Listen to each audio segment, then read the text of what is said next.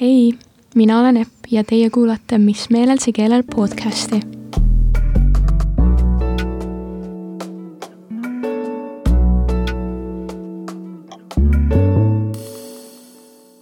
ja nüüd olen ka mina lõpuks üksinda stuudiosse jõudnud ja tegemist on kolmanda sooloepisoodiga. siin on päris veider üksinda olla ilma et keegi kõrval naeraks või tuju tõstaks. aga ma annan endast parima ja ma loodan, et meil tuleb tore ja sisukas vestlus. aga ma mõtlesin siis äh, rääkida teemast, mis on mind elus väga palju mõjutanud ja ma tean, et mõjutab ka väga palju teisi, aga millest just tohutult palju ei räägita. räägitakse muidugi oma perega ja sõpradega aga sellel pole kuidagi sellist laiemat ulatust, ma leian. ja selleks teemaks on siis lein ja kaotus.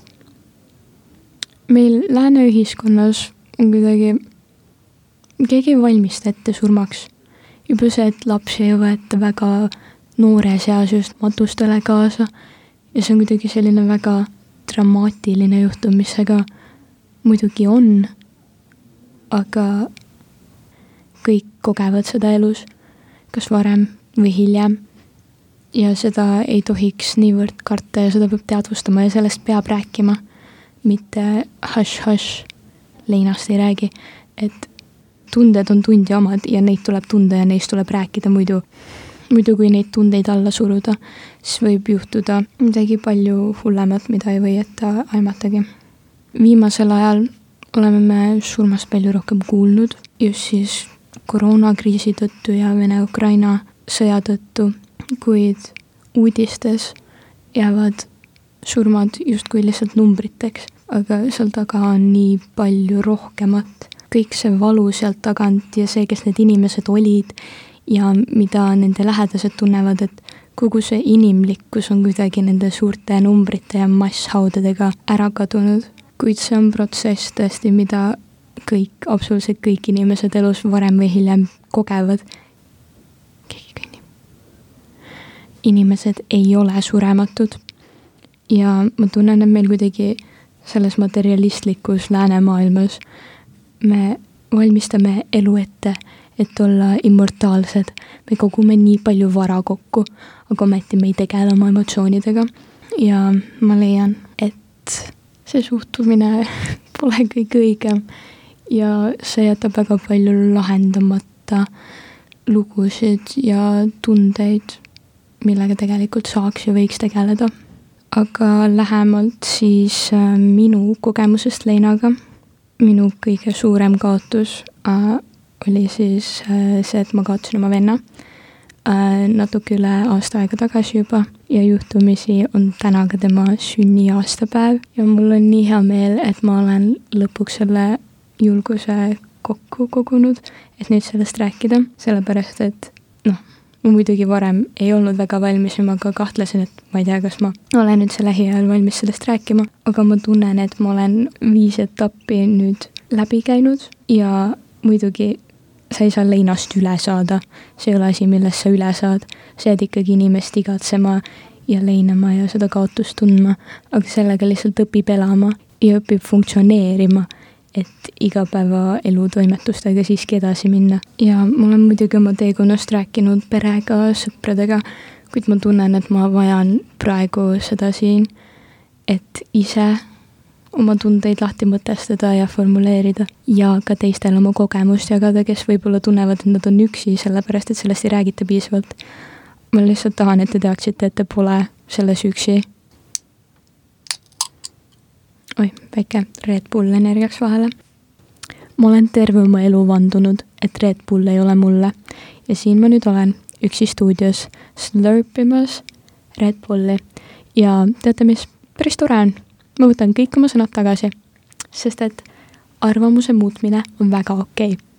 sa ei pea jääma jäärapäiselt oma kinnise arvamuse juurde, vaid võib lihtsalt öelda, jah, ma eksisin. tegelikult on nii vist ja kõik peaksid ka seda aktsepteerima. ma räägin täna üsna isiklikest teemadest ja ma loodan, et see ei mõju väga kui overshare imine, sest ma üritan seda kuidagi ikkagi natukene lahjendatud, kuid sisukal viisil teha. et ähm, mu vend sai siis paar aastat enne lahkumist leukeemia diagnoosi, millega me kõik teadsime, kuidas see võib lõppeda. Ja me justkui olime valmis, aga samas selleks hetkeks ei saa kunagi päriselt valmis olla ja ette valmistada ja kuna see oli mul esimene suurem kaotus, siis sellega oli alguses päris raske hakkama saada. ma olin varem kaotanud vanavanema, kuid äh, väikse lapsena ma ei saanud nii palju aru kui nüüd praegu. aga ma räägiksin siis natuke sellest, kuidas ma sellega algselt üritasin hakkama saada, ehk siis oma coping mehhanismidest natukene mul oli väga vedanud, et ma olin sihuke aasta aega enne seda alustanud äh, meditatsiooni uurimisega ja praktiseerimise katsetamisega. Ja ma juhuslikult olin ka just täpselt sellel ajal oma joogastuudio sellises paranemise kursusel, kus me tegime koos joogat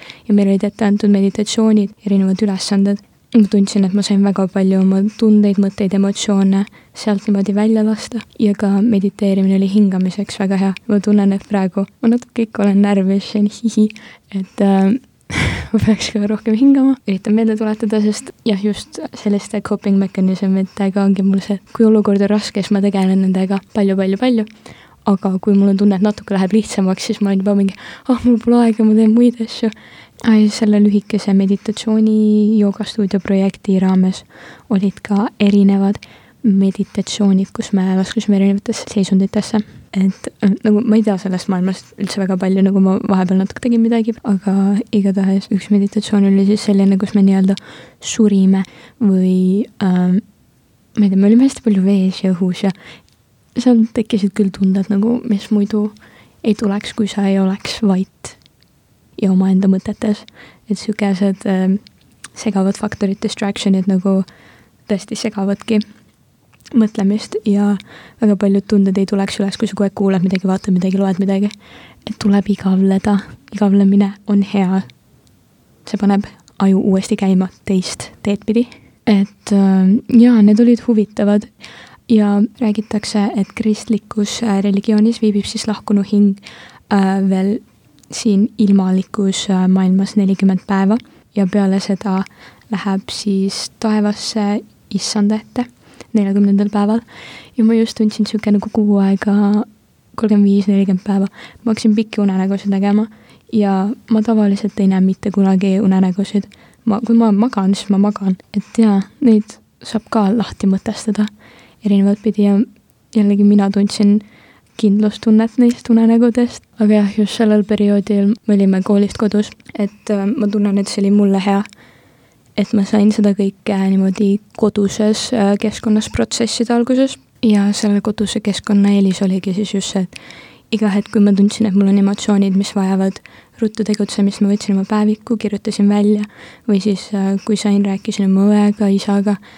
peamine eesmärk on ikkagi tunded välja saada ja tihti aitab ka see, et lihtsalt rääkida kadunust teda meeles pidada, mitte tema eksistentsi eitamine ja kuidagi unustamine, et see on nii valus, ma ei taha sellele mõelda, ärme mõtle sellele, et teda ei ole, vaid just teda mäletada ja just neid õnnetoovaid hetki meelde tuletada.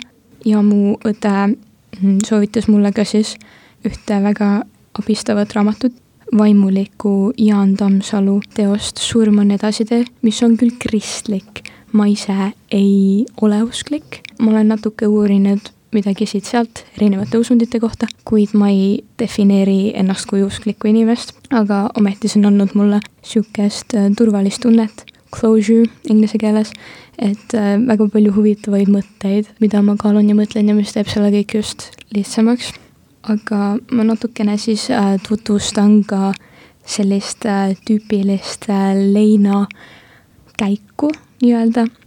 Elizabeth Kübler-Rossi teooria siis, kuidas leinal on viis etappi, millest esimene on siis šokk eitamine, teine on viha, kolmas on tingimine, neljas on depressioon ja viies on surmaga leppimine. ja ma ütlen, et jah, ma nõustun, et üldiselt kõik need tunded käisid läbi just sellises järjekorras, no vahepeal ka natuke siit-sealt, kuid kindlasti ma ei olnud igas etapis nii tohutult sees, et kuidagi kuid oleks olnud. Ja ma tunnen, et see oli eriti raske ka just sellepärast, et tegemist oli minu vanema vennaga, kes oli mulle tohutuks eeskujuks ja inspiratsiooniks. Ja ma ausalt öeldes ma fännasin teda, kui ma olin päris pisike, nagu tal olid kõik need väärtused, mis ma tahaksin, et mul oleks ah,. üks huvitav asi, mis mul on just viimasel ajal silma jäänud, on ka see, et äh, on sihuke, mis on mingi Petty Olympics või kuidas seda kutsutakse, kellel on kõige raskem elu, kes tunneb kõige rohkem valu ja kelle kaotus on kõige suurem. see ei ole võrreldav igalühel on oma kogemus, igaüks reageerib situatsioonile erinevalt, igaühe teekond läbi selle on erinev ja võtab erinevas pikkuses aega, et kui keegi on leinas, siis ei saa lihtsalt öelda, aa no ma ei tea, me kõik kaotame kunagi kedagi. jah, see on tõsi, me kõik kaotame kunagi kedagi, aga see ei tähenda, et sinu tunded ei ole päris.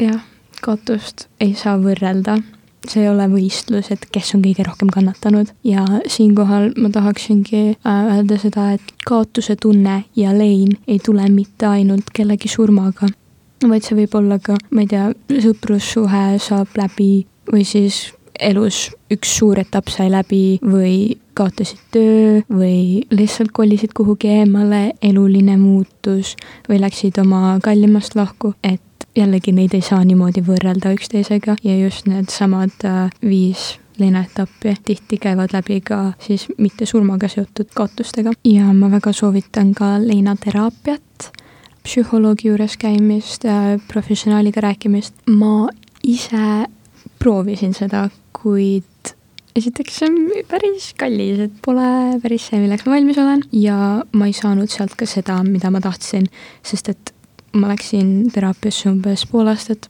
peale venna kaotamist ja ma justkui näiliselt sain väga hästi endaga hakkama, olin väga vaoshoitud, minu selles mõttes, et nagu mu emotsioonid ei pursanud välja, vaid et ma suutsin neid selgelt äh, mõtestada ja välja öelda. Ja siis mulle ka enam-vähem öeldi, et aa, nojah, ma ei tea, sul on kõik korras nagu. siis ma olin nagu okei okay,, eks ma siis üritan ise jälle pusida ükskõik millise kaotusega tavaliselt ka kaasas käiv tunne on süütunne. Enda süüdistamine, et kas ma oleksin saanud midagi teistmoodi teha, et seda vältida, ma oleksin pidanud niimoodi käituma, ma oleksin võinud lahkem olla, ma oleksin võinud rohkem suhelda, et äh, see on väga kiire tulema, selline enda süüdistamine, aga jällegi tuleb ratsionaalselt mõelda, tõesti, need mõtted on täielik mürgitus iseenda poolt, iseenda suunas, et sellest tuleks aru saada, seda tunnet aktsepteerida, aga siis nagu ratsionaalselt üritada negatiive ja plusse tuua, kuidas see ei ole tõsi, sest see ei ole tõsi. ma tunnen, et ma juba mingil määral saan aru, et see ei ole minu süü ja ma ei lase ennast sellel nii väga mõjutada. Ja ma saan aru, et minul on oma elu, ma pean sellega edasi minema, tegema neid valikuid, mis tunduvad mulle õiged ja nagu oma potentsiaali ära kasutama ma ei taha, et see oleks selline episood, kus ma lihtsalt overshare in ja nagu ma loodan, et ma ei läinud liiga isiklikuks siin. jällegi ma tahan oma kogemust jagada, aga ma arvan, et terve selle episoodi mõte lõppkokkuvõttes oligi siis see, et hoidke palun ennast ja kui te olete valmis, siis aidake teisi. aga sa ei saa aidata kedagi, kui sa ise pole terve. ja ma loodan, et praeguse koroonakriisi ja Ukraina-Vene sõjaga, te ka siis hoiate ennast, oma vaimset tervist, tegelete sellega, ei lükka emotsioone alla ja aitate ka teisi. ma lisan ka siia äh, Spotify'sse episoodi alla erinevad lingid viisidest, kuidas aidata, aga jah, teadke, et isegi kui te tunnete, et te olete situatsioonis täiesti üksinda terves maailmas, siis te ei ole mitte kunagi üksi. Ja julgege abi küsida ja oma lähedaste najale toetuda ja jah, olge tublid. ma loodan, et kohtume juba järgmine nädal natuke kergema teemaga ja lõbusama teemaga. tšauki!